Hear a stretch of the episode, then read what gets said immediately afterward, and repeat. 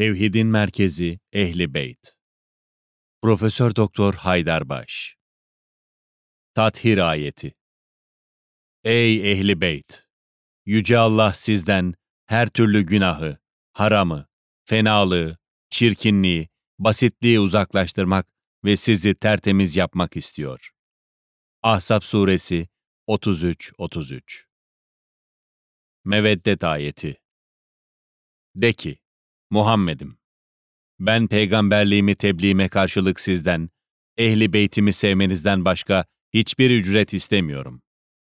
Şura Suresi 42-23 Mübahale Ayeti.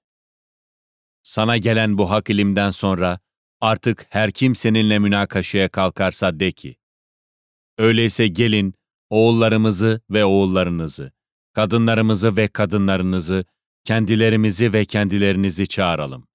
Sonra canı gönülden lanetleşip beddua edelim de Allah'ın laneti yalancıların üzerine olsun. Ali İmran Suresi 3.61 Ebrar Ayetleri Ve ona ihtiyaçları olduğu ve kendi canları çektiği halde Allah rızası için yiyeceklerini yoksula ve yetime ve esire yedirirler. İnsan Suresi 76-8 Salat ve selam Peygamberimize ve onun âli ashabına olsun. Peygamberimiz sallallahu aleyhi ve sellem, Kur'an-ı Kerim'in hem mücerret hem de müşahhas halidir.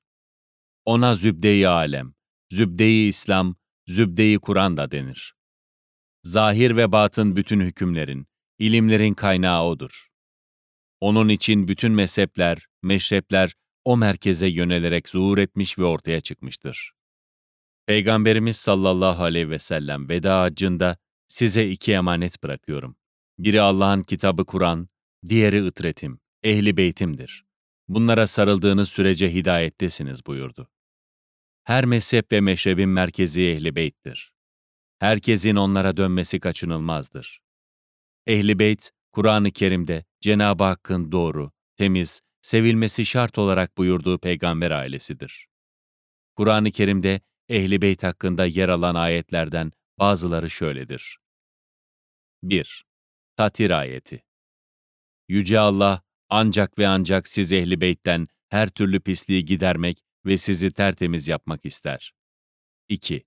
Meveddet ayeti De ki, ben bu peygamberliğimi tebliğime karşılık, sizden yakınlarıma, ehli beytime sevgiden başka hiçbir ücret istemiyorum. İmam Şafi, ehli beyti sevmenin farz olduğuna işaret etmektedir. 3. Mübale ayeti Kim sana gelen ilimden sonra seninle tartışmaya girişirse, de ki, Gelin oğullarımızı ve oğullarınızı, kadınlarımızı ve kadınlarınızı, kendimizi ve kendinizi çağıralım ve sonra dua edelim de Allah'ın laneti yalancıların üzerine olsun. 4. Ebrar ayetleri İnsan suresinin 8. ayeti de Ehl-i Beyt hakkındadır. Ve ona ihtiyaçları olduğu halde yemeklerini yoksula ve yetime ve tutsağa verirler. Onları doyururlar. İslam dünyası Şii-Sünni ayrımıyla kan ağlıyor. La ilahe illallah, Muhammedur Resulallah diyen herkes mümindir, Müslümandır. Bir Müslümana kılıç çeken bizden değildir bir Müslümanı kasten katleden ebedi cehennemliktir buyruluyor. Yani Müslümanın Müslümana kana haramdır. Müslüman Müslümanın canını, malını, inancını korumakla mükelleftir. Hal böyleyken bugün mezhep ayrılıklarını bahane ederek Müslümanı kafir ilan edip onunla savaşmak, kan dökmek, topraklarını işgal etmek, kaynaklarını ele geçirmek gibi büyük bir oyun İslam aleminde sergileniyor. Oysa Hazreti Peygamber Ehli beytim Nuh'un gemisi gibidir. Bu gemiye binmeyen boğulur buyurur. Bugün ehli beyti hak ettiği değer verilmiş olsaydı, İslam alemi bölünmeyi ve savaşı yaşamazdı. Şia, Hazreti Ali'ye ve ehli beyte taraf olmak, İmam Ali'yi sevmek ve onunla olmak manalarına gelir. Şia veya Şii, gerçek manada sahabe içinde İmam Ali'yi sevenlere, züht ve takvada ileri olan sahabilere verilen addır zaman içinde bu sahabilerle hiç de alakası olmayan şahısların bidat veya hurafeleri Şiilik olarak tanıtılmıştır. Bu anlayıştan hareketle Hayali İbn Sebe, Şia'nın kurucusu olarak ilan edilmiştir. Zamanımızda İslam coğrafyasında ve bu coğrafyanın yeraltı kaynaklarında gözü olanlar, özellikle de Şii ve Sünni dünyasını karşı karşıya getirip savaştırmak istiyorlar. Sünni dünyasında Şiilerin batıl, Şii dünyasında Sünnilerin yanlışta olduğu ifade edilerek kışkırtma politikaları devamlı surette pompalanıyor. Şia batıldır deniyor. Şia adıyla İslam'a sokulan hurafeler anlatılıyor. Bunun içinde bu hareketin ne olduğunu ve de ne olmadığını özetle anlatmak istiyoruz. Şii dünyayı batıl göstermek maksadıyla Sünnilere doğruymuş gibi anlatılan ve kabul ettirilen yalanların başında 1. Şia'yı Abdullah İbni Sebe kurdu iddiası vardır. 2. Yine Şia batıl olunca hadis kaynakları da şüphelidir deniliyor. Oysa izah edeceğimiz gibi esasen Şia'nın hadis kaynakları Hazreti Peygamber'den bu yana kesintisiz gelmiştir. 3. Bir diğer yalan, Ehl-i Beyt imamlarının sapık akımlar ve din dışı fikirlerle aynı görüşü paylaştığı ezyanıdır. Oysa gizlenen ve yok edilen bu dünya, esasen sapık akımlar ve din dışı fikirlerle mücadeleyi yapan tek taraftır. Ehl-i Beyt dünyası, Hakk'ın, İslam'ın en büyük savunucusu olmuşlardır. 4. Rabbani ismiyle şöhret bulan Ahmet Sirhindi'nin Şia'nın öldürülmesi için verdiği fetvaya sığınılıyor. 5. Ve yalanların en büyüğü İmam Ali Efendimizin Gadir-i Hum günü Hazreti Peygamber tarafından ilan edilen hilafetinin yok sayılmasıdır. Sünni dünya Gadir-i Hum hakikatiyle bizden sonra tanışmıştır denilebilir. Yukarıdaki yalanlar elinizdeki risalede delilleri ve kaynaklarıyla çürütülmektedir. Şia'yı Abdullah İbni Sebe kurdu iddiası hakkında şunları söyleyebiliriz. Hayali Abdullah bin Sebe Abdullah bin Sebe hiç yaşamamış hayali bir şahsiyettir ve bu şahsiyet Şia'nın kurucusu olarak tanıtılmaktadır. Peygamberimiz Aleyhisselam ve İmam Ali Aleyhisselam'la hiç olmamış olan bu kişi maksatlı olarak İmam Ali Aleyhisselam'ın arkadaşlarına yön vermiş ve onlara baş olmuş Yahudi bir şahsiyet olarak anlatılmaktadır. İbn Sebe'nin adı İslam tarihinde 30. ve 36. yıllar arasında nakiller yapan kişi olarak ortaya çıkıyor. Olaylara yön verdiği söylenen bu zatın adı Resulullah sallallahu aleyhi ve sellem döneminde hiç geçmiyor. Ancak Hazreti Osman'ın şehadeti sırasında ve de Cemel vakasında İbn Sebe'den nakiller vardır. Sebe'nin bir anda ortaya çıkışı araştırmacıların dikkatinden kaçmamış ve araştırma konusu olmuştur. Biz bu konudaki bilgileri Murtaza el-Askeri'nin Abdullah bin Saba masalı isimli eserinden derledik. Hiçbir Şia uleması bu şahsa Şiiliğin kurucusu olarak bakmamakta, türetilen bir insan olarak değerlendirmektedir. Sebe'den hadis uydurduğu bilinen kişi Seyf bin Ömer'dir. Bu nakiller sadece Hicri 170 veya 193'te öldüğü bilinen Seyf tarafından yapılmıştır. Seyf bin Ömer, hadis uydurarak olayları çarpıtan, bu nedenle hadislerine güvenilmeyen bir şahıs olarak bilinir. Sebe'nin Resulullah sallallahu aleyhi ve sellem döneminde adının hiç geçmemesi, halifelerin döneminde ise ikaz gördüğüne dair bilginin olmayışı, bu şahsın hayali bir kişi olduğu fikrini güçlendirmektedir. İslam coğrafyasında kıyam başlattığı, Hz. Peygamber sallallahu aleyhi ve sellem sahabilerinden Ebu Zer Gıffari'nin, Ammar bin Yasir'in, Abdurrahman bin Udays'ın, Malik bin Eşter'in kendinden etkilendiği ifade edilmektedir ki bu mümkün değildir. Yukarıda ismi geçen sahabiler, İmam Ali Aleyhisselam'ın etrafındaki samimi dost halkasıdır. Sebe ile hiç alakaları olmamasına rağmen bu sahabilere Sabayiler denildiği ifade edilmektedir. Yine iddiaya göre Ebu Zer Gıffari, Ammar bir Yasir, Malik bin Eşler birer Sabayi'dir. Bu konuda Abdullah bin Sebe'den nakil yapan en önemli şahıs tarihçi Taberi'dir. Müsteşrik yazarlar da kitaplarında Taberi'nin rivayetlerinin doğruluğunu özellikle vurgulayarak ondan İbn Sebe ile ilgili hadisler nakletmişlerdir. Bunlar Nicholson, Van Vloten, Julius Wellhausen, Donaldson, Ahmet Emin, Goldziher, Cayetane gibi müsteşriklerdir. Müsteşriklerin yaptığı önemli bir tahrifte meşru olan inanışları Abdullah bin Sebe'nin görüşüymüş gibi vermeleridir. İmam Ali aleyhisselamın hilafeti, imamların masumiyeti, Hazreti Mehdi aleyhisselamın zuhuru, Hazreti Mehdi aleyhisselamın Hazreti Fatıma aleyhisselamın soyundan geleceği inancı gibi İslam itikadı açısından meşru olan görüşlerin yanında, batıl inanışlar da İbn Sebe'ye mal edilerek bu hayalet İslam coğrafyasında itibar edilen bir şahıs haline getirilmiştir.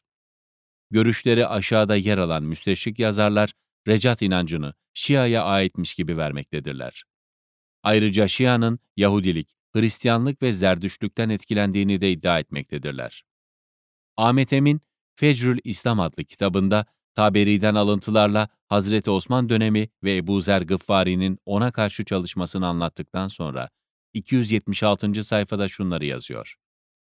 Şiilik, İslam'a karşı güdülen kin ve düşmanlık yüzünden İslam'ı yıkmak isteyen herkesin sığındığı bir mezhep olmuştur. Yahudi, Hristiyan yahut Zerdüşti olan ve kendi dininin esaslarını İslam'a sokmak isteyen herkes, peygamberin ehli beytinin sevgisini kendisine bir perde yapmakta, bu perde ardında dilediğini yapmaya uğraşmaktadır. Şia Recat olayını böylece Yahudilerden aldı. 277. sayfada ise Şia'nın Recat inancını ve imamet itikadını Yahudi olduğu iddia edilen Abdullah bin Sebe'den öğrendiğine inandığını söylüyor. Yine geleceği vaat edilen Mehdi inancı da bu kaynaktan doğmuştur.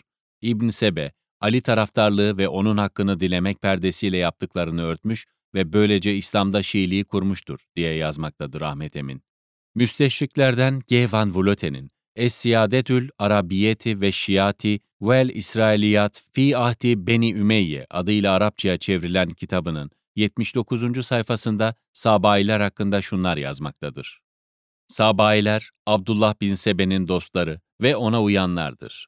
O, Affanoğlu Osman'ın halifeliği süresince hilafeti Ali'yi daha layık görüyordu.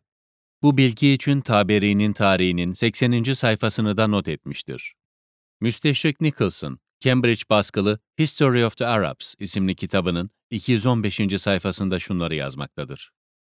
Abdullah bin Sebe Sabayiye fırkasının kurucusudur. Yahudidir ve Hazreti Osman'ın zamanında Müslüman olmuştur. İbn Sebe, İsa'nın bu dünyaya tekrar geleceğine inanıp da Hazreti Muhammed'in tekrar geleceğine inanmayan kişiye şaşılır. Oysa ki Kur'an'da Hazreti Muhammed'in de tekrar geleceği açıkça bildirilmiştir. Binlerce peygamber gelip geçmiştir. Her birinin de yerine geçecek vasisi vardır. Muhammed'in vasisi de Ali'dir demektedir.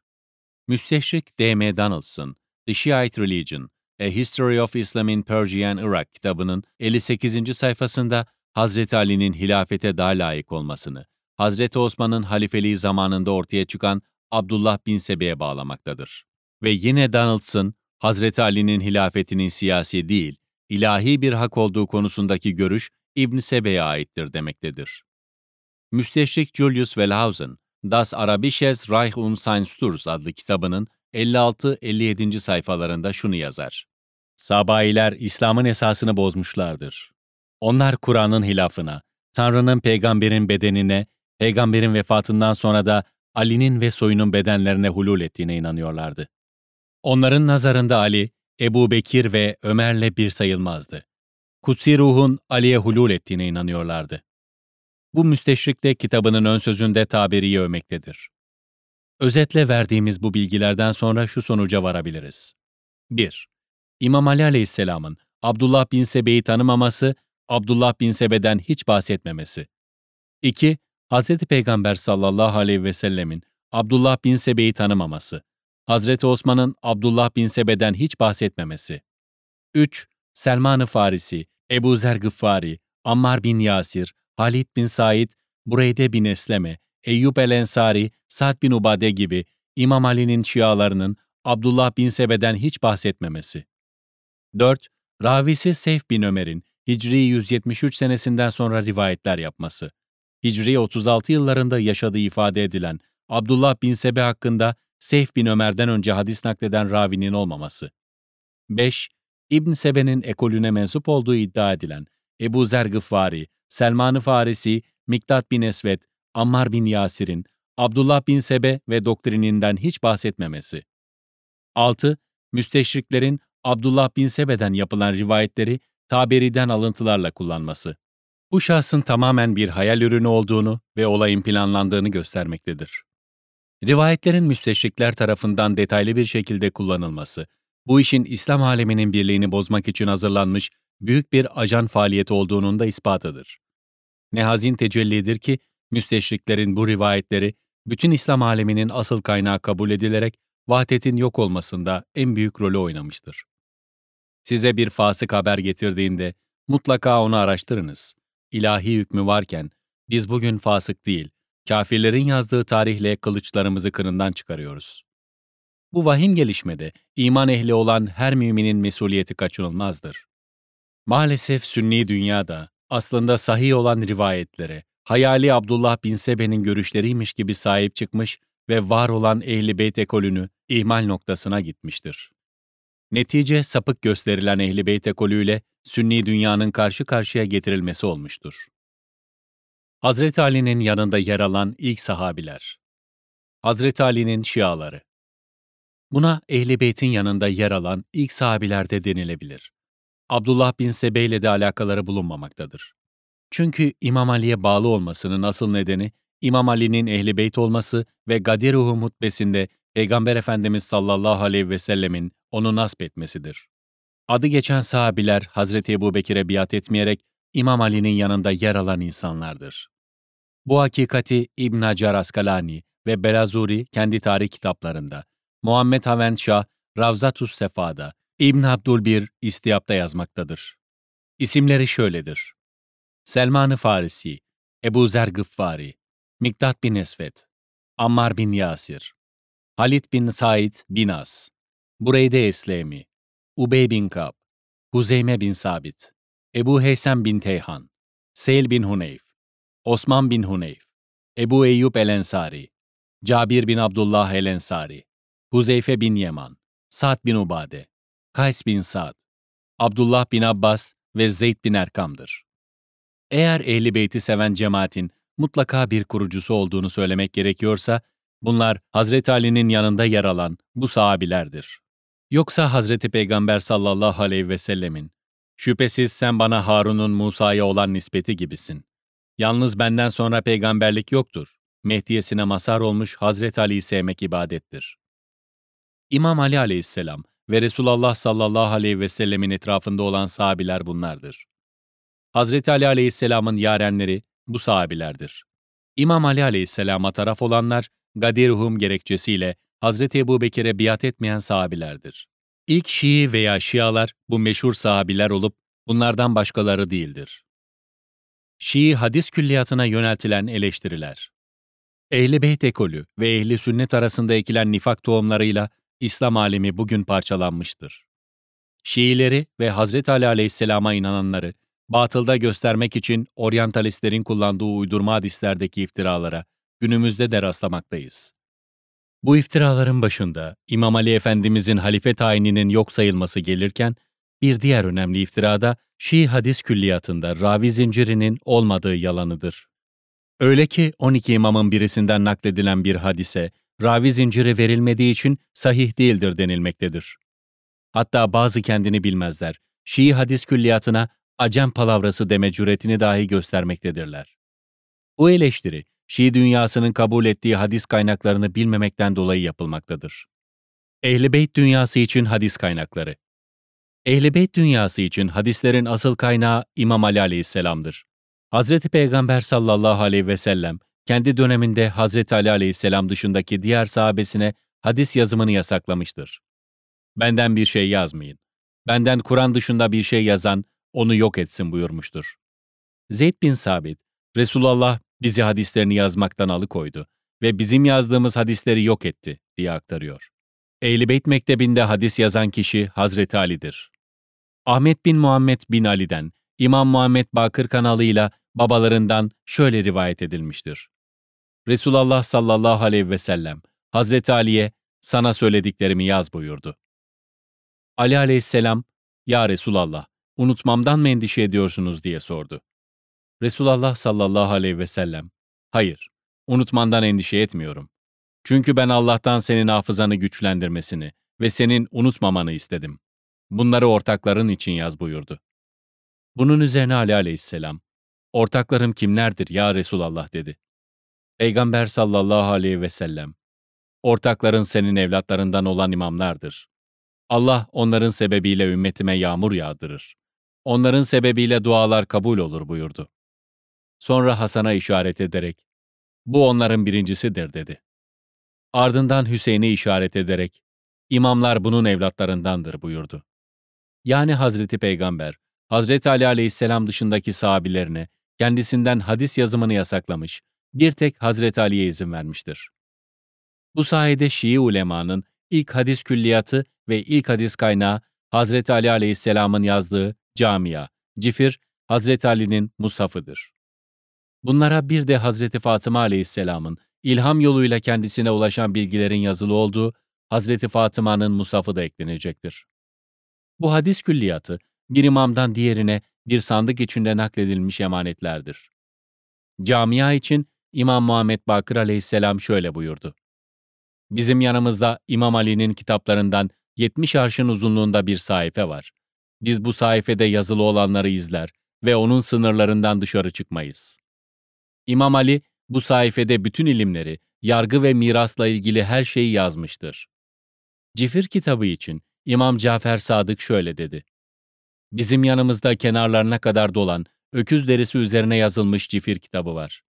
Bu kitap geçmişte vuku bulan ve kıyamete kadar gelecekte vuku bulacak olayları içermektedir. Hazreti Ali'nin musafı konusunda İmam Cafer Sadık aleyhisselam şöyle diyor. Resulullah sallallahu aleyhi ve sellem Ali'ye dedi ki, Ey Ali! Kur'an yatağımın arkasında musafta, ipek levhalarda ve kağıtlarda yazılıdır. Yahudilerin Tevrat'ı kaybetmeleri gibi onları kaybetmeyin. Bunun üzerine İmam Ali, onları sarı bir örtü içine koyup topladı.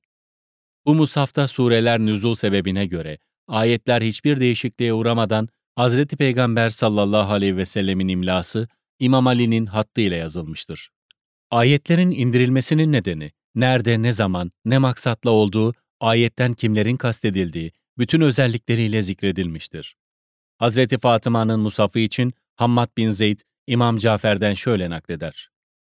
Allah Teala, peygamberinin ruhunu aldığı zaman o hazretin vefatından dolayı Hazreti Fatıma aleyhisselamı zorluğunu Allah'tan başka kimsenin bilmediği bir üzüntü ve keder sardı. Bu nedenle Allah onunla konuşup üzüntüsünü gidermesi için bir melek gönderdi. Fatıma bunu Ali'ye bildirdi. Ali de ondan tüm duyduklarını yazdı. Böylece Hazreti Fatıma'nın musafı oluştu. Onda gelecekle ilgili haberler vardır. Bir sandık içinde bir imamdan diğerine geçen emanetler, henüz Resulullah sallallahu aleyhi ve sellem hayattayken kendisinden duyularak yazılmaya başlanan bu hadislerdir. Şii dünyasında hadisler direkt Resulullah sallallahu aleyhi ve selleme ve Hazreti Ali aleyhisselama dayandığı için bir rivayet zincirine gerek yoktur. Sahih olmaları dayandıkları kaynaktandır. İmamların hepsi de bu hadis külliyatına göre hüküm vermiştir. Şia hadis külliyatı, imamlara sorulan sorular karşısında bu hadislerle verilen cevapları kapsar. Sünni dünyanın hadis kaynakları Sünni dünyanın hadis kaynaklarının oluşumu ise Emeviler dönemine kadar gecikmiştir. Hadis toplanması ve yazımı Hicri 2. asrın başına Ömer bin Abdülaziz dönemine kadar uzamaktadır. Üstelik Hazreti Ebu Bekir, Hazreti Ömer, Hazreti Osman efendilerimiz, Resul-i Ekrem'in benden Kur'an dışında bir şey yazmayın emrine uyarak bu istikamette hareket etmişlerdir. Hazreti Ebu Bekir, hiçbir şekilde Resulullah sallallahu aleyhi ve sellem'den bir şey anlatmayın. Kim de size soracak olursa sizinle bizim aramızda Allah'ın kitabı vardır. O kitabın helallerini helal, haramlarını haram bilin demiştir. Hazreti Ömer döneminde ise hadisler toplatılarak yakılmıştır. Hazreti Osman ise hiç kimsenin Ebu Bekir ve Ömer döneminde duyulmayan bir hadisi rivayet etmesi caiz değildir buyurmuştur. Hazreti Ali dışındaki halifeler, Hazreti Peygamber sallallahu aleyhi ve sellemin emrine uyarak hadis yazdırmamışlardır. Ancak hilafetleri döneminde karşılaştıkları meselelerde hadis konusunda tek yetkili olan Hazreti Ali Efendimizin bilgisine de her zaman başvurmuşlardır. Bu gerekçeyle Hazreti Ömer, içinden çıkılamayan 70 meselede sorunu verdiği hükümlerle halleden Hazreti Ali aleyhisselam için Ali olmasaydı Ömer helak olurdu buyurmuştur. Sünni dünyada halifeler döneminde hadis yazımı yasaklanmış, hadisler yakılmıştır. Bunun yanında hadislerin yazımı ve toplanması Hicri 1. asrın sonuna kadar gerçekleşmemiştir. Kütüb-i Sitte olarak ifade edilen Sünni dünyanın hadis külliyatının alimlerinin yaşadıkları dönemlerde bu hakikatin ispatıdır. Buhari, Hicri 194-256, Müslim, Hicri 204-261. İbn Mace 209-273. Ebu Davud Hicri 202-275. Nesai Hicri 215-303. Tirmizi Hicri 209-279. Görülmektedir ki bu külliyatın oluşumuna katkı veren alimler Resulullah'tan yaklaşık 3 asır sonra yaşamışlardır. Takdir edersiniz ki yazıma çok geç başlanması sebebiyle sıhhat şartı aranmış ve ravi zinciri mutlaka istenmiştir. Mevzu hadislerin araya girmesini engellemek için de rivayet zincirinde kopukluk olup olmadığına bakılmıştır. Hazreti Peygamber sallallahu aleyhi ve sellemle aralarında üç asra yakın bir aralık olan bu dünyanın, hadis sıhhati için bu yolu seçmesi mecburidir. Eğer ravi zinciri tam değilse, hadis zayıf kabul edilir. Mezhep imamları Ehli Beyt'in safındadır. İmam Azam, İmam Muhammed, İmam Şafii, Ahmet bin Hanbel ve İmam Malik. Bunların tamamı Ehli Beyt'in safında ve de yanındadır. Bir diğer iftirada Şia aleminin akaid kuralları ile 12 imamın hayatları boyunca mücadele ettiği din dışı akımların itikatta birbirinin aynı olduğu konusudur. Mesela bunlardan birisi Ehli Beyt ekolü usulde yani akaid konularının çoğunda mutezileye uymuştur şeklindeki görüştür. Bu görüş kesinlikle yanlıştır. Çünkü Ehli Beyt ekolü itikadi manada mutezileye karşıdır. Ehli Beyt imamlarından İmam Muhammed Bakır ve oğlu İmam Caferi Sadık, Mutezile mensuplarıyla ciddi olarak mücadele etmişlerdir. Mutezile'ye göre büyük günahları işleyen kimseler iman dairesinden çıkmaz. Oysa Şia inancında farzları terk eden, büyük günah işlemeye devam eden insan iman dairesinden çıkar. İmam Cafer bu konuda şöyle buyurmuştur. Farzları terk eden ve de büyük günahları işlemeye devam edenler imandan çıkar. Görüldüğü gibi Mutezile'nin görüşü Ehl-i Beyt imamlarının tamamen tersidir. Ve yine din dışı akımlardan Mutezile, Allah'ın sıfatlarının mevcudata benzediğini iddia etmektedir. Aynen bunun gibi Şia'nın da Allah'ın sıfatlarını mevcudata teşbih ettiği iddia edilir. Bu tamamen yanlıştır. El-Kafi isimli eserin 158. sayfasında şunlar yazmaktadır. Muhammed bin Farac el-Ruhacci'den nakledilir.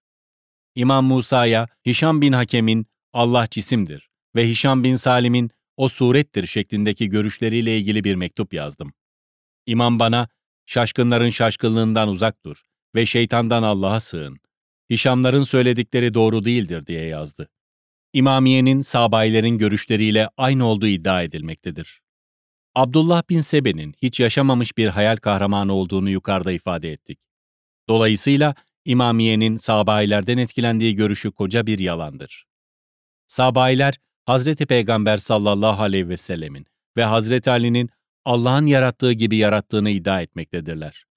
Bu sapık görüşün Şia ile hiçbir alakası yoktur. İmam Sadık'a, Abdullah bin Sebe'nin evlatlarından birisi tefvize inanıyor dedim. İmam, tefviz nedir diye sordu.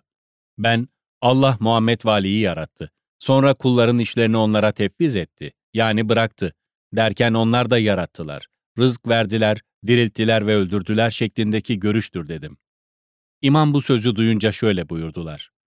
Allah'ın düşmanı yalan söylemiştir. Döndüğünde Rad suresindeki şu ayeti ona oku. Yoksa Allah'a onun yaratması gibi yaratan ortaklar buldular da bu yaratma kendilerince birbirine mi benzeşti? De ki Allah her şeyin yaratıcısıdır ve o tektir, kahredici olandır. Bu ayet Allah'ın birliğine açıkça delalet etmektedir. Zürare diyor ki, onun yanına döndüğümde imamın buyurduğu bu ayeti ona okudum. Bu ayeti okumakla sanki ağzına bir taş atmış gibi oldum. Böylece susup kaldı. İmamiye kader konusunda ehli sünnetin görüşünü reddeder şeklinde bir görüş vardır. Bu da doğru değildir. Hafs bin Kurdin İmam Cafer aleyhisselamdan şöyle rivayet etmiştir. Resulullah sallallahu aleyhi ve sellem buyurdu ki, Hayır ve şerrin Allah'ın dilemesi dışında gerçekleştiğini söyleyen kimse Allah'ı egemenliğinden yoksun bırakmış olur. Yani hayır ve şer Allah'tandır diyor. İmam Muhammed Bakır aleyhisselam da Cenab-ı Hakk'ın şöyle buyurduğunu söyler. Ben Allah'ım. Benden başka ilah yoktur. Hayrı ve şerri yarattım. Şia'nın batılda gösterilmesi ve mum söndü iftirasında olduğu gibi hafife alınması, İslam coğrafyasının üzerindeki planlar için kullanılan büyük bir oyundur. İmam Ali'den itibaren İmam Hasan ve İmam Hüseyin'e, sonra da babadan oğula diğer Ehl-i Beyt imamlarına geçen hadis külliyatıyla Ehl-i Beyt dünyası, Hakk'ın, İslam'ın en büyük savunucusu olmuşlardır. Gizlenen ve yok edilen bu dünya, esasen sapık akımlar ve din dışı fikirlerle mücadeleyi yapan tek taraftır. Şahsımızın kaleme aldığı Ehl-i Beyt külliyatından sonra benzer iddialar bizim hakkımızda da ortaya atılmıştır. Bunlardan ilki, Hazreti Ali'nin imametinin eserlerimizde dile getirilmesi meselesidir. Bilinmelidir ki bizim bu görüşlere yer vermemiz hadislerin nakli şeklindedir. Hilafet meselesindeki tavrımız hakkı yenmiştir şeklinde değil, hadisler incelenerek hilafette İmam Ali'nin yeri nedir'in tespiti şeklinde olmuştur. Kısaca bu hadislere değinelim. Peygamber sallallahu aleyhi ve sellem Gadirihum'da şunları buyurmuştur. 1. Ali bin Ebu Talip benim kardeşimdir. Vasimdir, halifemdir ve benden sonraki halifemdir. 2. Allah Resulü sallallahu aleyhi ve sellemin halifesi O'dur. Müminlerin emiri O'dur. Allah tarafından tayin edilen hidayet imamı O'dur. 3. Ey insanlar! Bu Ali'dir. O benim kardeşimdir. Vasim, ilmimi toplayan ve ümmetim arasında iman eden kimseler üzerindeki halifemdir. 4. Ey insanlar! Ben hilafet emrini kıyamet gününe kadar imamet veraseti olarak neslime emanet ediyorum. 5. Ali Allah tarafından tayin edilen imamdır. 6. Benden sonra Ali Allah'ın emriyle sizin veliniz ve imamınızdır. İmamet makamı ondan sonra da Allah ve Resulü ile görüşeceğiniz güne kadar onun evlatlarından olan benim neslimin hakkıdır. Hazreti Ali aleyhisselamın emirül müminin oluşu bizzat Allah'ın emriyledir. Bu hutbenin birçok yerinde imamlığın Hazreti Ali'nin olduğu belirtilmiştir. Dikkat edilirse hilafet hakkındaki görüş Allah ve Resulüne aittir. Burada bize söz düşmez. Hilafetin Hazreti Ali'nin hakkı olması ve Hazreti Ebu Bekir, Hazreti Ömer ve Hazreti Osman'ın bu konuda Hazreti Ali'nin hakkını yediğiyle görüşse zaten bize ait değildir. Ehl-i Beyt imamlarının bu konuda görüşleri olduğu gibi bu görüş en çok uğruna canını feda etmekten çekinmeyen İmam Hüseyin'e aittir. Kerbela faciasında şehadet şerbetini içen İmam Hüseyin, neden ve kime karşı kıyam etmiştir? İmam Hüseyin, hilafet kendi hakkı olmasına rağmen, hakkı olmayan kişiler tarafından gasp edildiğini söyleyerek, ümmetin gerçekleri görmesi ve İslam'dan sapmaların önüne geçmek için kıyam etmiştir. Şii veya Sünni, hangi kaynak eseri açsanız, Kerbela vahşeti ve İmam Hüseyin'in kıyamı ile ilgili bundan başka bir gerekçeye rastlamazsınız. İmam Hüseyin, Resulullah'ın oğlu mitabına mazhar olmuş, cennet gençlerinin efendisidir ve ehli beyttendir. İmam Hüseyin'in sahip çıktığı ve canı pahasına halka ayıktırmaya çalıştığı bir konuya sahip çıkmak, bir Müslüman için şeref vesilesi olmalıyken, bunları iman çizgisinden sapma olarak yorumlayanların neye inandığı bizi derinden düşündürmektedir. Hazreti Ali Efendimizin Emirül Müminin yani halife oluşunun bizzat Cenab-ı Hakk'ın emriyle olduğunu vurgularken Gadiruhum gününden bahsetmekte yarar vardır. Gadiruhum'da İmam Ali'nin velayet ve ilafetinin ilan edilmesi. Gadiruhum günü, Sünni dünya için halen bilinmeyen bir hakikattir. Peygamberimiz ilk ve tek haccı olan veda haccı esnasında Arafat'ta irad ettiği hutbesinde iman ve İslam esaslarını anlatmış, insan haklarını İslam açısından beyan etmiştir. Hz. Peygamber sallallahu aleyhi ve sellem hac dönüşü Mekke ile Medine arasında Gadiruhum denilen mevkide ikinci kez sahabesini toplayarak bir hutbe daha irad etmiştir. Bu hutbesinde Allah'ın emriyle Hazreti Ali'nin kendisinden sonra imam tayin edildiğini bildirmiştir. Gadiruhum denilen yerde irad edilen bu hutbeye Gadiruhum hutbesi denir ve yalnızca Hazreti Ali'nin halife olarak ilan edilmesi maksadıyla buyurulmuştur. Hazreti Resul'den sonra Emevi dönemiyle beraber bir makam koltuğu gibi el değiştirmeye başlayan ve seçime dönüşen halife tayini, Kadir hutbesinde gördüğümüz şekliyle esasen Allah'ın emri ve Resulullah'ın nasbıyla belirlenecek önemde bir konudur. İleride İslam dininde halifenin seçim usulü hakkında bilgi vereceğiz. Ancak önce Gadir hutbesi neden irad edildi buna değinelim.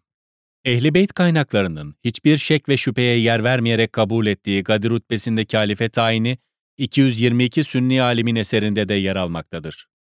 Esasen Hazret Ali Efendimizin Resulullah'tan sonra halife tayin edilişi, İslam'ın tüm kaynaklarında mütevatir derecede haberlerle sabittir. Nitekim Elbani, Gadir hadislerinin her iki kısmının sahih, hatta ilk kısmının mütevatir olduğunu açıklamaktadır. Sünni dünyanın yeni yeni tanımaya başladığı Gadir-i Hum hutbesinin irat günü Şia alemince bir bayram olarak kutlana gelmektedir. Sünni kesim, maalesef Sakife'de başlayan sapmayı doğru olarak kabul etmiş, Allah'ın emrini ve Resulullah'ın nasbını unutmuştur. Oysa ehl dünyası için Hazret Ali Efendimizin hilafeti konusu bir iman şartıdır. İman ve İslam esaslarında temelde bir olan Şii ve Sünni dünya, imamet meselesinde birbirinden ayrılmaktadır. Yıllar süren büyük yalanlar, Şiileri batılda gibi gösterse de, aslında Şiilerin iman esaslarında yer alan imamet konusu onların inandığı şekliyle doğrudur. Hilafet ilanının yapıldığı Gadir hadisi pek çok raviden aktarılır. Sünni ulemadan Hafız Ebu Cafer Muhammed bin Ceriri Taberi, El Veleyatü fi Hadisi Gadir adlı kitabında Gadir hadisini Zeyd bin Erkam'dan şöyle rivayet ediyor. Resulullah sallallahu aleyhi ve sellem veda hacından dönerken öğle vaktinin sıcağında Gadiruhum denilen yerde durdu. Büyük gölgelikler kurulmasını emretti. Gölgelikler kurulduktan sonra herkesin cemaat namazı için toplanmasını buyurdu. Cemaat namazı için toplandık. Allah Resulü sallallahu aleyhi ve sellem bizlere bir hutbe okuyarak şöyle buyurdu. Allahu Teala bana şu ayeti nazil etti. Ey Resul, sana indirileni tebliğ et. Eğer bunu yapmazsan peygamberliğini tebliğ etmemiş gibi olursun ve Allah seni insanlardan koruyacaktır. Cebrail bana burada Rabbimin şu emrini bütün herkese iletmemi bildirdi. Ali bin Ebu Talip, benim kardeşim, vasim ve halifem, benden sonra imamdır.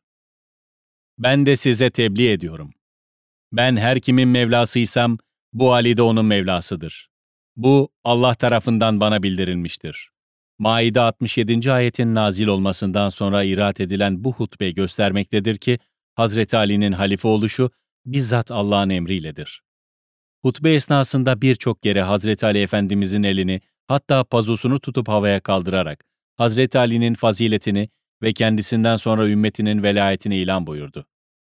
Resulullah, Allah'a hamdü sena, sahabesine tembih ve hatırlatmada bulunduktan sonra şöyle buyurdu. Ey insanlar! Ben bir beşerim. Rabbimin elçisinin, Azrail'in gelmesi ve benim de ona icabet etmem yakındır.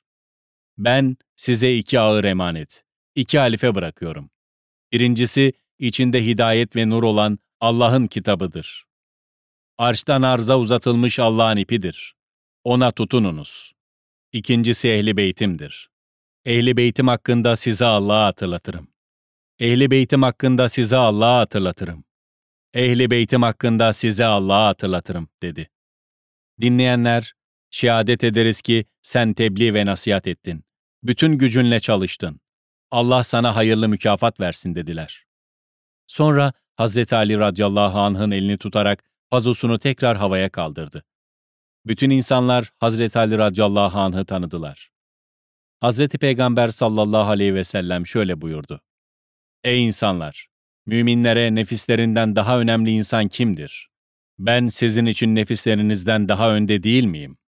Kendisini dinleyen sahabe, elbette öndesin ey Allah'ın Resulü.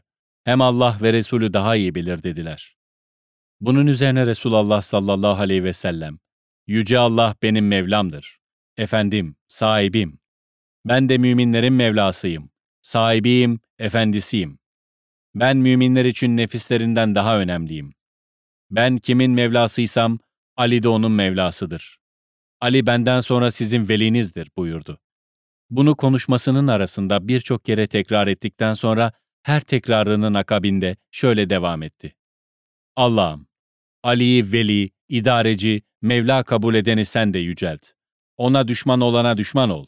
Onu seveni sev. Ondan nefret edenden nefret et. Onu küçük düşüreni küçük düşür. Nerede olursa hakkını ondan ayırma. İyi dinleyin ve hazır olan olmayana duyursun, diye konuşmasını bitirdi. Alusi, Maide 67. ayetin nazil olmasından sonra Hazreti Ali'nin halife olarak tayin edilmesini beyan ettiği tefsirinde şunları yazar. İbn Abbas'ın şöyle dediği rivayet edilmektedir. Bu ayet Ali Keremallahu Vece hakkında nazil oldu. Yüce Allah, Hazreti Peygamber'e onun, Ali'nin velayetini insanlara ilan etmesini emrettiğinde, Resulullah, insanların kendisine amcasının oğlunu başımıza geçirdi deyip, kendisini kınamalarından oldukça korktu. Bunun üzerine Allah bu ayeti indirdi. O da Gadiruhum'da Ali'nin velayetini ikame etti. Onun elini tutup kaldırarak şöyle buyurdu. Ben kimin velisi idarecisiysem, işte bu Ali de onların velisi idarecisidir. Allah'ım, onu veli kabul edip dost olana dost ol. Ona düşmanlık yapana da düşman ol. Celaleddin Suyuti de Ed-Durrul Mensur'da Ebi Hatim, İbn Murdeveyh, İbn Asakir ve Ebu Said el-Hudri'den naklen böyle tahric etti. Suyuti'nin Eddürrül Mensur eserinde, İbn Ebi Hatim'in Tefsirül Kur'an-ı Azim eserinde ve Vahidi'nin Esbab-ı Nüzul eserinde Maide 67. ayetin Hazreti Ali Efendimizin halife olarak tayini hakkında nazil olduğu yazmaktadır. Gadir hutbesinin altı yerinde imamlığın Hazreti Ali'nin olduğu bildirilmiştir. 1. Ali bin Talip benim kardeşimdir, vasimdir, halifemdir ve benden sonraki halifemdir. 2. Allah Resulü sallallahu aleyhi ve sellemin halifesi O'dur. Müminlerin emiri O'dur. Allah tarafından tayin edilen hidayet imamı O'dur. 3. Ey insanlar! Bu Ali'dir. O benim kardeşimdir, vasim, ilmimi toplayan ve ümmetim arasında iman eden kimseler üzerindeki halifemdir. 4. Ey insanlar! Ben hilafet emrini kıyamet gününe kadar imamet veraseti olarak neslime emanet ediyorum. 5. Ali, Allah tarafından tayin edilen imamdır. 6. Benden sonra Ali, Allah'ın emriyle sizin veliniz ve imamınızdır.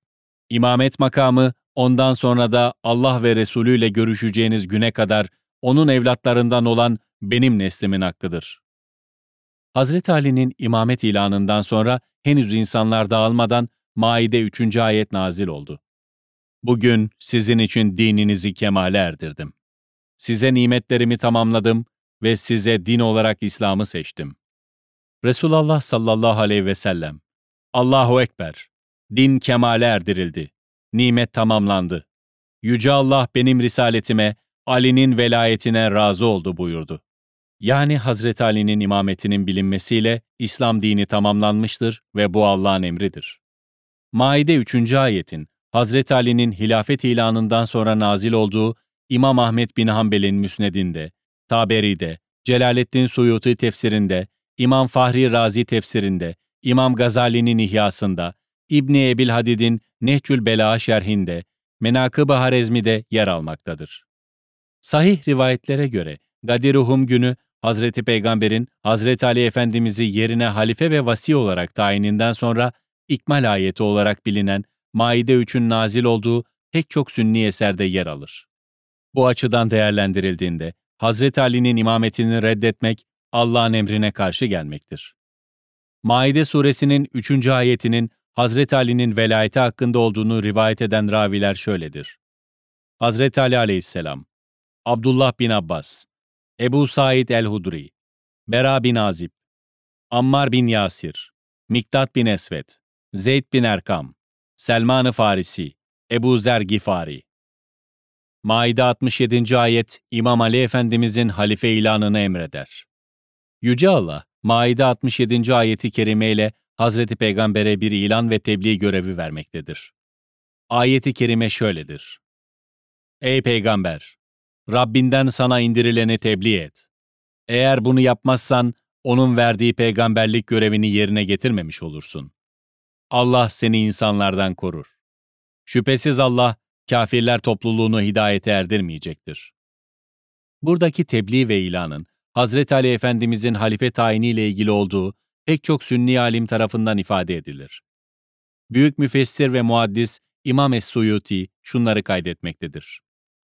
İbn Ebi Hatim, İbn Merduye ve İbn Asakir'in bildirdiğine göre Ebu Said el-Hudri, Ey peygamber, Rabbinden sana indirileni tebliğ et ayeti Gadir-i günü Ali bin Ebi Talip hakkında nazil olmuştur demiştir.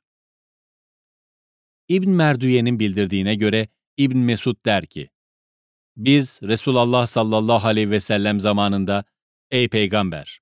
Rabbinden sana indirileni tebliğ et, ayetini okur ve Ali bütün müminlerin velisidir, idarecisidir, Mevlasıdır ifadesini eklerdik. Sonra eğer bunu yapmazsan, onun verdiği peygamberlik görevini yerine getirmemiş olursun. Allah seni insanlardan korur şeklinde devam ederdik. Tefsir ilminin sünni temel kaynaklarından olan vahidinin esbab-ı nüzulundaysa söz konusu Maide 67. ayeti kerimesinin nüzul sebebi şöyle nakledilmektedir. İbn Atiye'den, o da Ebu Said el-Hudri radıyallahu anh'tan rivayet etmektedir.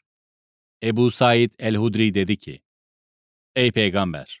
Rabbinden sana indirileni tebliğ et ayeti, Gadiruhum günü Ali bin Ebi Talip radıyallahu an hakkında nazil olmuştur. Nişabur tefsir ekolünün öncülerinden büyük müfessir Es-Salebi, söz konusu ayeti kerimenin manasını şöyle kaydetmektedir. Ebu Cafer Muhammed bin Ali dedi ki, bunun manası şudur. Muhammed'im, Ali radıyallahu anh'ın fazileti hususunda sana indirileni tebliğ et. Nitekim bu ayet nazil olduğunda Resulullah sallallahu aleyhi ve sellem Ali radıyallahu anh'ın elini tutup kaldırdı ve ben kimin velisi idarecisiysem Ali de onun velisi idarecisidir buyurdu. Adi bin Sabit'in Hazreti Bera radıyallahu anh'tan rivayeti ise şöyledir. Resulullah'la birlikte veda acından dönüşte Gadiruhum'daydık. Namaza toplanın diye nida etti. İki ağacın gölgesi altındayken Ali radıyallahu anh'ın elinden tutup kaldırarak şöyle buyurdu. Ben bütün müminlere kendi canlarından daha önde, daha yüce değil miyim? Asap, şüphesiz öylesin ya Resulallah dediler. Bunun üzerine tekrar, ben her bir mümine kendi nefsinden daha öte, daha evla değil miyim buyurdu. Asap da yine, şüphesiz öylesin ya Resulallah dediler. Bunun üzerine Resulullah şöyle hitap buyurdu. Ben kimin velisi idarecisiysem, işte bu Ali de onların velisi idarecisidir. Allah'ım, onu veli kabul edip dost olana dost ol. Ona düşmanlık yapana da düşman ol. Ömer radıyallahu an onunla karşılaştığında, gözün aydın olsun ey Ebu Talib'in oğlu. Sen gece gündüz her an her bir mümin erkek ve mümine hanımın velisi, idarecisi oldun diye tebrik etti. Müfessir Alusi ise Maide 67. ayetin bağlamında Sünnilerin genel görüşünü de beyan ettiği tefsirinde şunları kaydetmiştir. İbn Abbas'ın şöyle dediği rivayet edilmektedir. Bu ayet Ali Keremallahu Vece hakkında nazil oldu. Yüce Allah Hazreti Peygamber'e onun Ali'nin velayetini insanlara ilan etmesini emrettiğinde Resulullah insanların kendisine amcasının oğlunu başımıza geçirdi deyip kendisini kınamalarından, taan etmelerinden oldukça korktu. Bunun üzerine Allah bu ayeti indirdi. O da Gadiruhum'da Ali'nin velayetini ikame etti. Onun elini tutup kaldırarak şöyle buyurdu. Ben kimin velisi idarecisiysem, işte bu Ali de onların velisi idarecisidir. Allah'ım, onu veli kabul edip dost olana dost ol. Ona düşmanlık yapana da düşman ol. Celaleddin Suyuti de Eddürül Mensur'unda Ebi Hatim, İbn Murdevey, İbn Asakir ve Ebu Said el-Hudri'den naklen böyle tahric etti. Temel İslam kaynaklarında nakledilen İmam Ali'nin velayeti ve Gadiruhum gerçeğinin ısrarla gizlenmesi ve üstünün örtülmesi, elbette sorgulanması gereken ilmi ve imani bir görev olsa gerektir. Gadir hutbesinin ardından Hazreti Ali Efendimiz tebrik edilmiştir. Gadir hadisiyle Hazreti Ali'nin halife tayin edilmesinin bir delili de sahabenin onu tebrik etmesidir. İmam Ahmet bin Ambel, Müsned'inde şu hadisi nakletmektedir. Bera bin Azib radıyallahu anh dedi ki, Resulullah sallallahu aleyhi ve sellemin ifa etmiş olduğu veda hacı dönüşünü seferinde birlikteydik. Gadirhum'da konakladık. Namaz kılma emrini vererek nida ettirdi. İkindi namazını kıldırdı. Ardından bir hutbe irade ederek Ali radıyallahu anh'ın elini tuttu ve bilmez misiniz ki ben müminlere kendi nefislerinden evlayım buyurdu. Asap evet cevabını verdiler.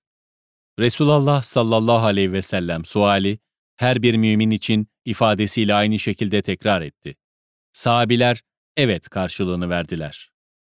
Bunun üzerine Resulullah sallallahu aleyhi ve sellem Ali'nin elini tutup kaldırarak ben kimin Mevlasıysam Ali de onun Mevlasıdır. Allah'ım ona dost olana dost, düşman olana düşman ol buyurdu. Bu esnada Ömer radıyallahu an Hazreti Ali aleyhisselamla karşılaştı ve onu şöylece kutladı. Ne mutlu sana, ey Ebu Talib'in oğlu, gözün aydın, kadın ve erkek her bir müminin Mevlası oldun dedi.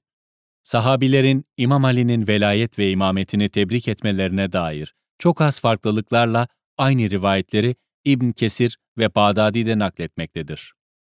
Hüccetül İslam Ebu Hamid Muhammed bin Muhammed Gazali radıyallahu anh'a Gadiri Hum olayını anlattıktan sonra Hazreti Ömer'in de diğer sahabiler gibi Yaşa, var ol ey Hasan'ın babası.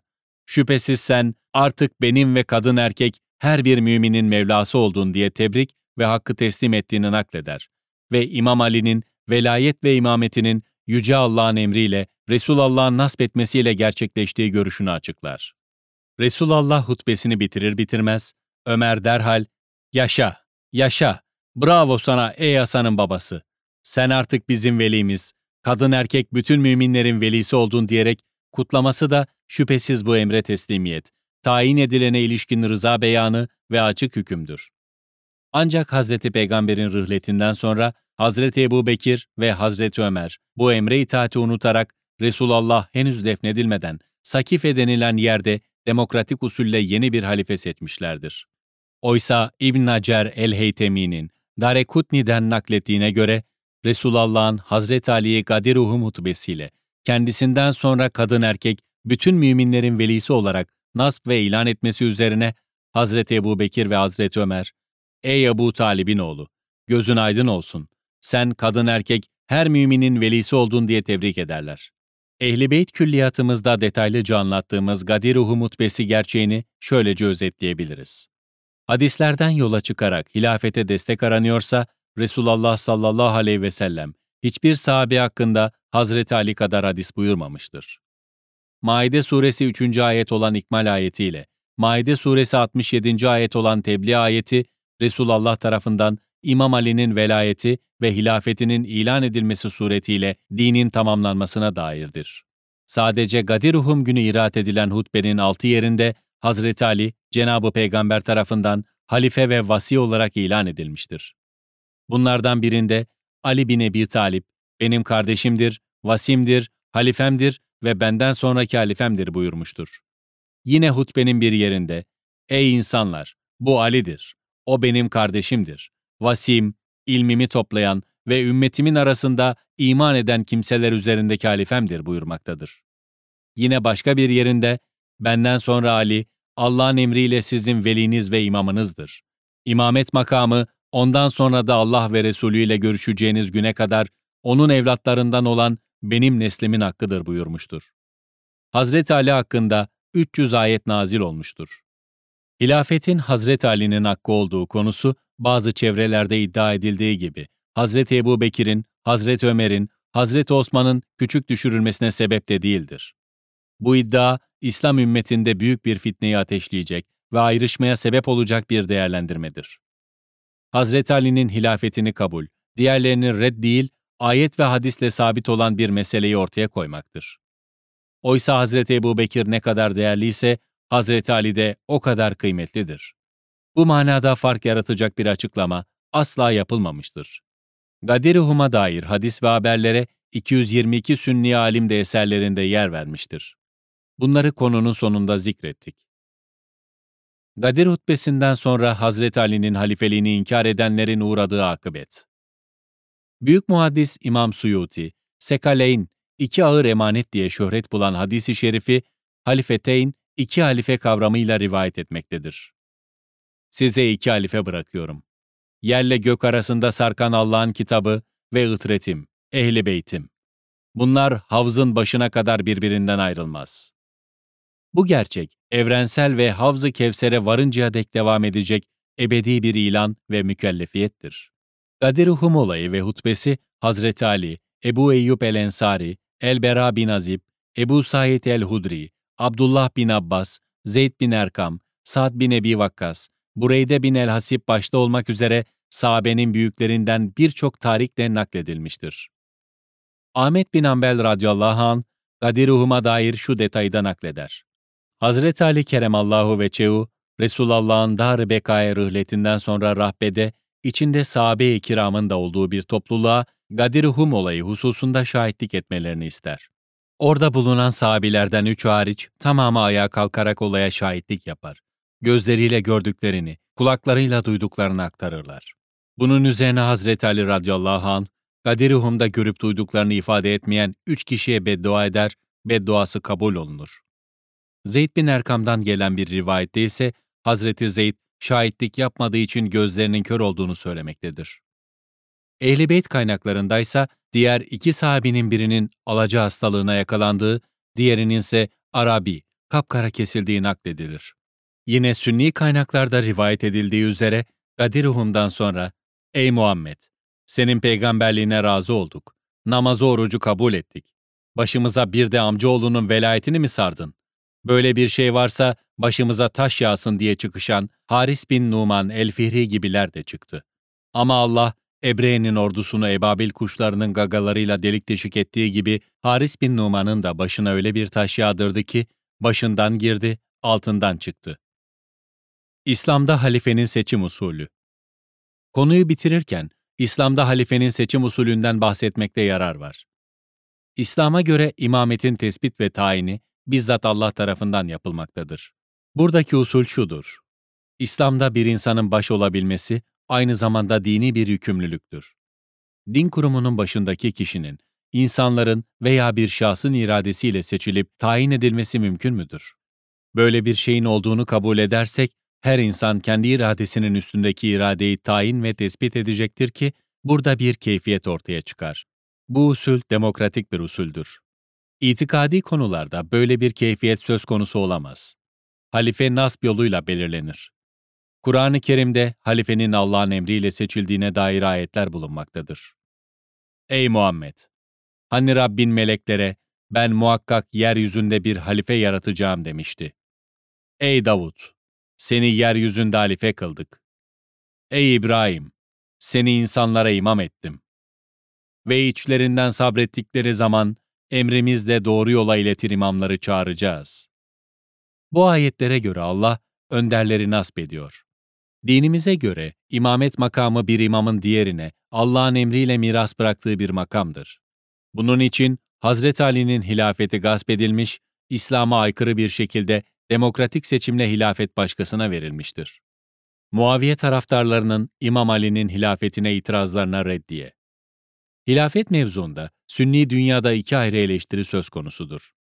Birincisi Hazreti Ali aleyhisselamla Muaviye arasındaki hilafet konusudur. Burada Hazreti Ali aleyhisselam ve Muaviye arasındaki meselenin içtihat ayrılığından kaynaklandığı ve Muaviye'nin içtihat ehli olduğu için haklılığı savunulmaktadır. Ehli sünnete göre dini kaynakları hatırlatarak başlayalım. Kitap, sünnet, icma, kıyası fukaha. İmam Ali aleyhisselamın Hazreti Osman'dan sonra halife seçilmesi sahabenin tamamı ile yani icma ile olmuştur. Muaviye'nin burada tek başına iştahat hakkı yoktur. Kaldı ki Peygamber Efendimiz sallallahu aleyhi ve sellemin vefatından sonra Ebu Süfyan, İmam Ali aleyhisselama gelerek biat teklifi yapmıştır. Muaviye'nin tarafının meseleye bakışı, fıkıh ve akaid kurallarına göre değildir.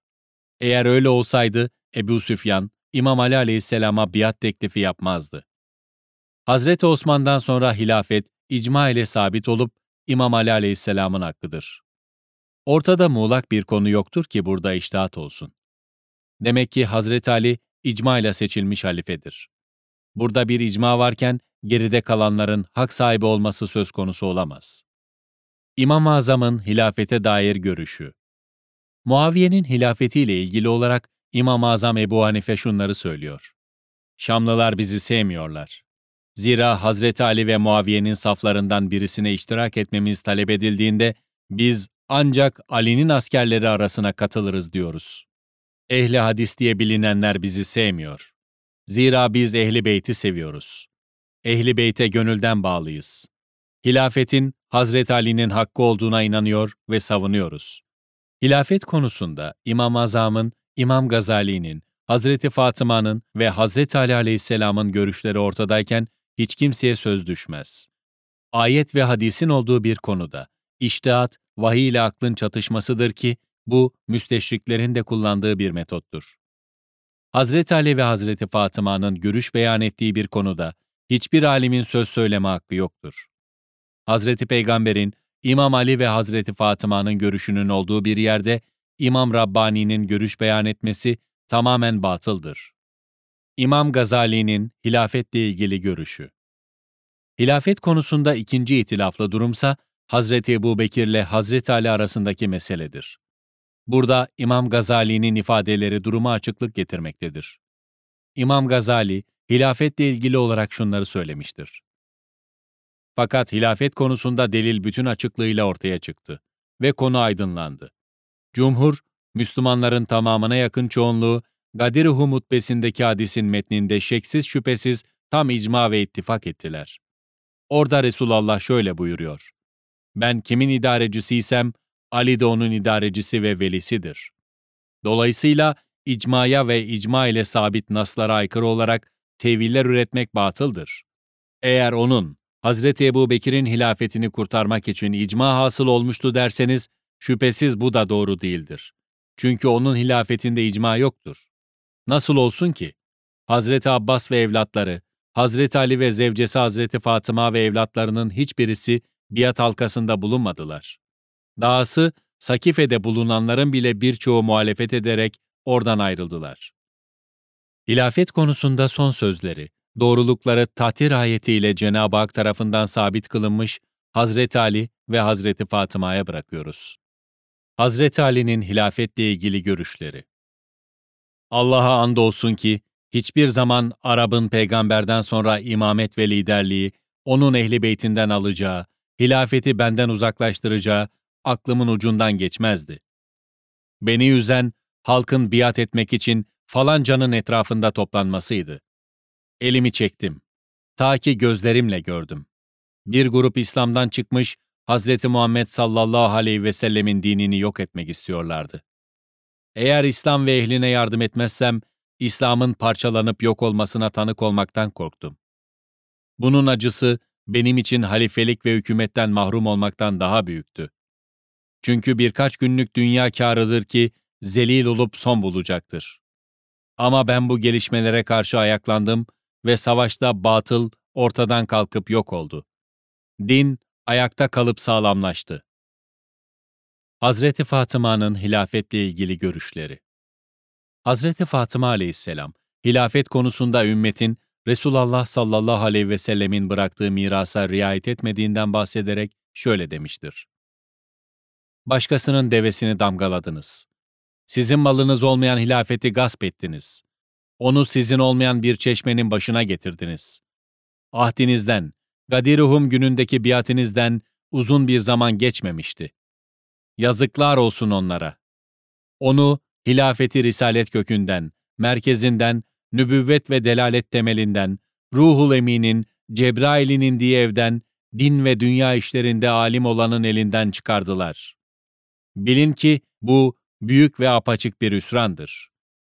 Bütün bunlardan anlaşılıyor ki, gerek İmam Ali, gerekse Hazreti Fatıma, hilafet bahsinde Ehli Beyt'in çok ciddi bir haksızlığa uğradığını ifade etmişlerdir.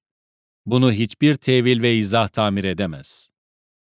İmam Cafer'in, Hazreti Ebu Bekir'in ve Hazreti Ömer'in Hazreti Ali'den üstün olduğuna dair sözleri var mıydı? Bazı sünni çevrelerde konuşulan bir diğer iddia ise İmam Cafer Efendimizin Hazreti Ebu Bekir aleyhisselamın ve Hazreti Ömer aleyhisselamın Hazreti Ali aleyhisselamdan daha üstün olduğunu iddia eden sözlerinin yer aldığı haberlerdir. Canını bu uğurda feda eden İmam Hüseyin gibi Ehli Beyt soyunu devam ettiren masum imamların tamamı hayatlarını imameti gerçek sahibine vermenin gereği üzerine bina etmişlerdir. Yine Resulullah sallallahu aleyhi ve sellem'den itibaren her imamın velayetin başı Hazreti Ali Efendimiz hakkında sözleri ortadadır. Bunu yaparken maksatları, diğer sahabilere veya ümmete karşı bir üstünlük ayrımı yapmak değildir. Burada sevilmişlik, seçilmişlik söz konusudur. Ayet ve hadislerle sabit bir hakkın sahibine verilmesi iddiası vardır. Bu sevilmişlik ve seçilmişliği reddetmekse ayet ve hadislere terstir. Bunun manasının da itikadımızda ne olduğu herkesce malumdur. Tüm bunları reddeden mantık, kendini uydurduğu hadislerle Hazreti Ebu Bekir'i üstün göstermeye çalışmakta, hatta onun Resulullah sallallahu aleyhi ve sellem tarafından halife tayin edildiğini dahi iddia edebilmektedir. Esas bu zorla geliştirilen düşünce gerçeğe terstir. Kimse Hazreti Ali'nin, Hazreti Ebu Bekir'den, Hazreti Ömer'den veya Hazreti Osman'dan üstünlüğünü tartışmaya açmamaktadır. Ancak ortada Hazreti Ali hakkında Gadir-i günü ilan edilen bir halifelik ve vasilik varken, kimse tutup da Resulullah'ın bunun hilafına hareket ederek başka bir zamanda Hazreti Ebu Bekir'i işaret ettiğini söyleyemez. Bu, Hazreti Peygamber'i töhmet altına sokmaktır ki, bunun vebalinin ödenmesine imkan yoktur. Gadir hadisini nakleden ehli sünnet kaynakları. Gadir hadisini nakleden ehli sünnet kaynakları şunlardır. 1. El Asarul Bakiye Ebu Reyhan Muhammed bin Ahmet el-Buruni Ölümü Hicri 440 Müslümanların Gadir gününü bayram olarak bildirdiklerini zikretmiştir. 2. El-İbane Hafız Ebu Abdullah bin Batta el-Hambeli Ölümü Hicri 387 3. El-Ehbasul Musedde Ziyauddin Salih bin Mekdi el-Mukbili Ölümü Hicri 1108 Gadir hadisini mütevatir ve kesin bir hadis olarak zikretmiştir. 4. Ahbarü't Düvel ve Asarül Lüvel. İbn Senan el-Kirmani. Ölümü Hicri 1019 5. İzaletul Hulefa. Abdülaziz Ebu Veliyullah Ahmet bin Abdurrahim Ömer ed-Dehlevi. Ölümü Hicri 1176 Gadir hadisini iki yolla Zeyd bin Erkam'dan nakletmiştir. 6. Esbab-ı Nüzul. Ebu Hasan Vahidi En-Nişaburi. Ölümü Hicri 468 Tebliğ ayetinin Gadir günü Hazreti Ali hakkında nazil olduğunu vurgular. 7. El-İstihab Hafız Yusuf bin Abdülbir Ölümü Hicri 463 Gadir hadisini birkaç yolla nakletmiştir. İmam Ali'nin Şura günündeki yaptığı konuşmalarını yazmış, Gadir hadisini sabit ve kesin bir hadis olarak zikretmiştir. 8. İptalül Batıl Ebul Hayr Fadlullah bin Rüzbehan Eşşirazi 9. yüzyıl alimlerindendir. Gadir hadisini sahih bir hadis olarak zikretmiştir. 9. El-Erbaini Tival İbn Asakir Ölümü Hicri 571 Gadir hadisini zikretmiştir. 10. Ustul Gabe Hafız Ebu Hasan bin Esil el-Cizeri Ölümü Hicri 630 Gadir hadisini pek çok senetle rivayet etmiş, İmam Ali'nin Rahbe ve Rukban'daki konuşmalarına yer vermiştir. 11. İsaful Raibin Ebu İrfan Muhammed bin Ali Es-Sebban Eş-Şafi Ölümü Hicri 1206 Gadir hadisinin 30 sahabeden naklolunduğunu ve hadisin birçok senedinin sahih ve hasen olduğunu söyleyip nakletmiştir. 12.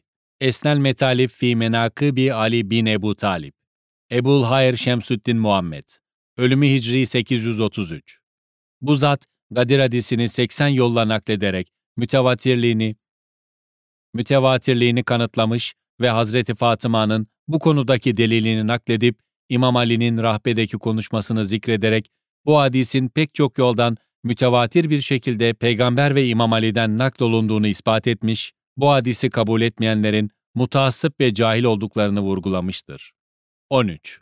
Esnel Metalif fi ahadisi muhtelifetil meratib Şeyh Muhammed el-Hud Ölümü Hicri 1276 Gadir hadisini zikretmiş ve pek çok sünen ve gayri sünen sahiplerinin onu sahih bildiklerini söylemiştir. 14. El-İsabe fi temyiz sahabe İbn Hacer el-Askalani Ölümü Hicri 852 İmam Ali'nin Rahbe'deki konuşmasını ve Rukban hadisini ve Gadir hadisini pek çok yoldan rivayet etmiştir. 15. Usulül İman Mevlevi Muhammed Salim el-Buhariyet Dehlevi 3. yüzyıl alimlerindendir. Gadir hadisini Beraye bin Asip ve Zeyd bin Erkam'dan nakletmiştir. 16. El-Emali Ebu Abdullah el-Hüseyin bin İsmaili el-Mehamili Ölümü Hicri 330 Gadir hadisini ve Gadir'deki tebliğ ayetinin nazil olduğunu ve Rahbe'deki konuşmaları sahih senetleriyle birlikte nakletmiştir. 17. El-İmame ve Siyase Sayfa 93 Ebu Muhammed bin Kuteybe Ed-Dineveri Ölümü Hicri 276 18. El-Eani Cilt 8 sayfa 156 Ebu Fereç Ali bin Hüseyin el-İsfahani, ölümü Hicri 356. 19. El-İktifa fi Fazlil Erbeatül Hulefa, İbrahim bin Abdullah Vessabi el-Yemeni. 7. veya 8. yüzyıl alimlerindendir. Gadir hadisini pek çok yolla rivayet etmiştir. 20. Elif Ba, İbni Şeyh ile meşhur olan Ebu Haccac Yusuf bin Muhammed el-Belvi. Ölümü Hicri 605. Gadir hadisini ve İmam Ali'ye ait olan bazı şiirleri nakletmiştir. 21. Ensabul Eşraf Hafız Ahmet bin Yahya el-Belazuri Ölümü Hicri 276 Gadir hadisini nakletmiştir. 22. El-Bidaye ve Nihaye Hafız İbni Kesir Ed-Dimaşki Ölümü Hicri 774 Gadir hadisini birçok yolla nakletmiş, rahbe ve tehni hadislerini zikretmiştir. 23. Bediül Meani Kadı Necmuddin Muhammed bin Abdullah el-Ezrai Ölümü Hicri 876 Tehniye ve Gadir hadisini nakletmiş ve onun sahih olduğunu vurgulamıştır. 24. El-Beyan ve Tarif İbn Hamzai Harrani ile tanınan Kemalüddin İbrahim bin Muhammed Ölümü Hicri 1120 Gadir hadisini ve onun mütevatir olduğunu nakletmiştir. 25. Tarihi Ali Muhammed sallallahu aleyhi ve sellem. Kadı Muhammed Behlül Behçet Efendi Eşşafi. Birkaç yoldan Gadir hadisini rivayet etmiştir. 26. Tarihi Buhari. Hafız Ebu Abdullah Muhammed bin İsmaili Buhari. Ölümü Hicri 256. Gadir hadisini nakletmiştir. 27. Tarihi Bağdat. Hafız Ebu Bekir Hatip el-Bağdadi. Ölümü Hicri 463. Gadir hadisini, rahbe konuşmasını, Samul Gadir hadisini ve İkmal ayetinin Gadir'de nazil olduğunu sahih senet ve güvenilir ravilerle zikretmiştir. 28. Tarihi Hulefa Hafız Celalüddin Abdurrahman Es-Suyuti Ölümü Hicri 911 Gadir hadisini ve rahbedeki konuşmayı birçok yolla nakletmiştir. 29. Tarihi Dimaşk Hafiz İbni Asakir Ölümü Hicri 571 Bu konuda birçok hadis yazmış, Emirül Mümin'in Hazreti Ali Aleyhisselam'ın Cemel'deki konuşmasını almıştır. Tebliğ ve ikmal ayetlerinin Gadir-i Ali bin Ebu Talip Aleyhisselam hakkında indiğini belirtmiştir. 30. Tarihi Mısır İbni Zuvlak Hasan bin İbrahim el-Mısri Ölümü Hicri 387 Makrizi'nin naklettiği gibi Gadir hadisini nakletmiştir. 31. Tuhfetul Eşraf bi Marifetil Etraf Hafız Ebul Haccaci Mizzi Yusuf bin Abdurrahman Ölümü Hicri 742 Gadir hadisini Tirmizi, Nesai ve İbn Mace'den nakletmiştir. 32. Tezkiretül Uffas Hafız Şemsüddin Ez-Zehebi Ölümü Hicri 748 Tabiri'nin Gadir'le ilgili olan telifleri hakkında şöyle yazıyor. Ben onun birçok yolla Gadir hadisini naklettiğini görünce çok şaşırdım. Hakimin Hayatı bölümünde ise şöyle yazıyor. Onun Gadir hadisiyle ilgili olan pek güzel senetlerini El Musannaf'ta yazdık. Sanani de Er Ravzatun Nediye fi Şerhit Tuhfetil Aleviye'de aynısını yazmıştır. 33. Tezkiretül Havassil Ümmet Ebu Muzaffer Yusuf bin Abdullah Sıbt bin el Cevzi Ölümü Hicri 654 Gadir hadisini, Cemel ve Rahbe'deki delilleri ve Asbey'in delillerini nakletmiş, Savmol Gadir ve Tehni hadislerini ve Gadir olayıyla ilgili olan İkmal ve Se'li Saul'un ayetlerinin Hazreti Ali aleyhisselam hakkında indiğini ve Gadir hadisinin sahih bir hadis olduğunu vurgulamıştır. 34. Tasniful Azan Hafız Nasurus Sünne, Şahabuddin Ahmet bin Muhammed bin Sıdık el-Harezmi 14. yüzyıl alimlerindendir. Gadir hadisini birçok hafızlardan senetleriyle beraber 54 sahabiden rivayet etmiş ve bu hadisin tevatürle Resulullah sallallahu aleyhi ve sellem'den rivayet olduğunu söylemiştir. 35. Talikatül Eani Üstad Ahmet Zeki el-Mısri, 14. yüzyılın alimlerindendir. Gadir hadisini nakletmiştir. 36. Tefsir-i Alusi Ruhul Meani Seyyid Şehabuddin bin Abdullah el-Alusi el-Bağdadi Ölümü Hicri 1270 Gadir hadisini ve tebliğ ayetinin Emirül Müminin aleyhisselam hakkında nazil olduğunu yazmıştır. 37. Tefsiri İbni Kesir İmamuddin İsmail bin Ömer bin Kesir ed-Dimaşki Ölümü Hicri 774. Gadir hadisini ve İkmal ayetinin Gadir günü Hazreti Ali aleyhisselam hakkında nazil olduğunu yazmıştır. 38. Tefsiri İbni Merdeviye Hafız Ahmet bin Merdeviye el-İsfahani Ölümü Hicri 416 Tehniye hadisini nakletmiştir. 39. Tefsiri Ebu Suud Mevla Muhammed Ebu Suud el-İmadi Ölümü Hicri 982 Gadir hadisini zikretmiş ve S.L. Salun ayetinin Gadir hakkında nazil olduğunu söylemiştir.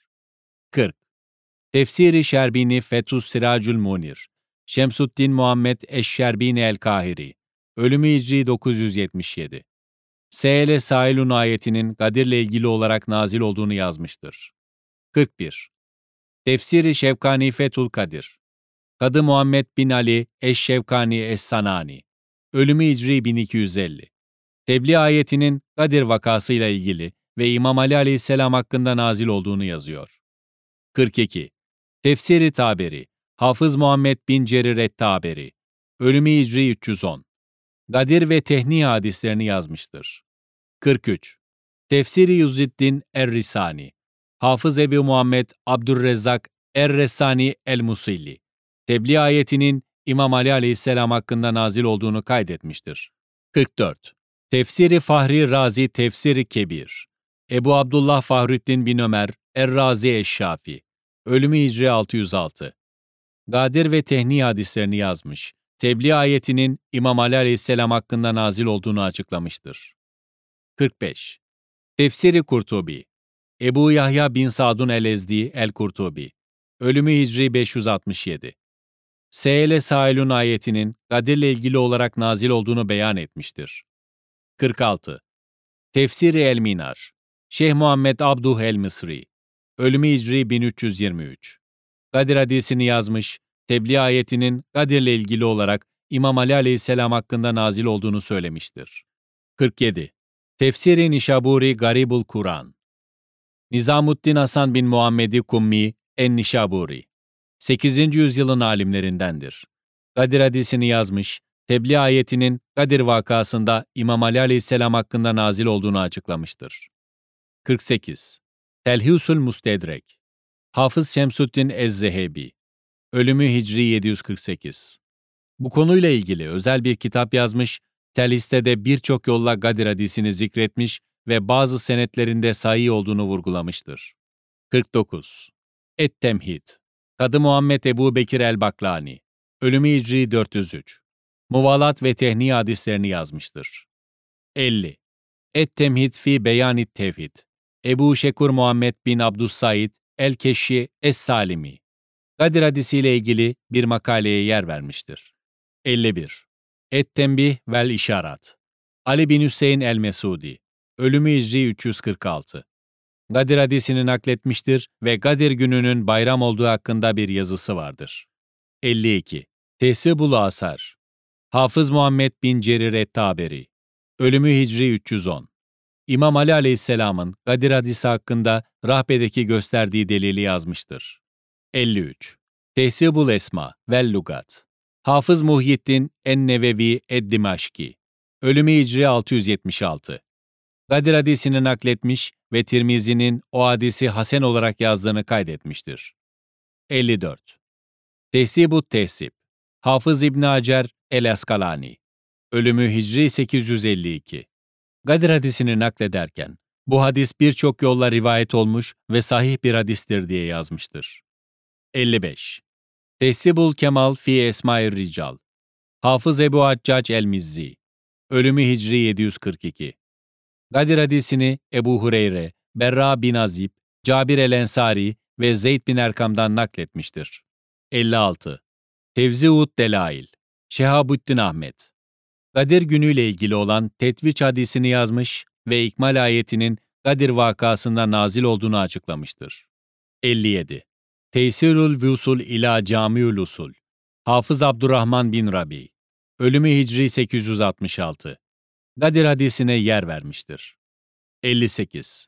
Simarul Kulub Ebu Mensuri Salabi En-Nişaburi Ölümü Hicri 429 Gadir hadisine yer vermiş ve Gadir gecesinin ümmetin arasında ziyafet gecesi olduğunu vurgulamıştır. 59. Camiül Usul fi Ahadisir Resul Ebu Saadat Mübarek bin Esir Eşşeybani el-Cizeri Ölümü Hicri 606 Kadir hadisini Tirmizi'den rivayet ederek naklediyor. 60. El Camius Sair Celalüddin Suyuti Ölümü Hicri 911 Birçok yolla Gadir hadisini nakletmiştir.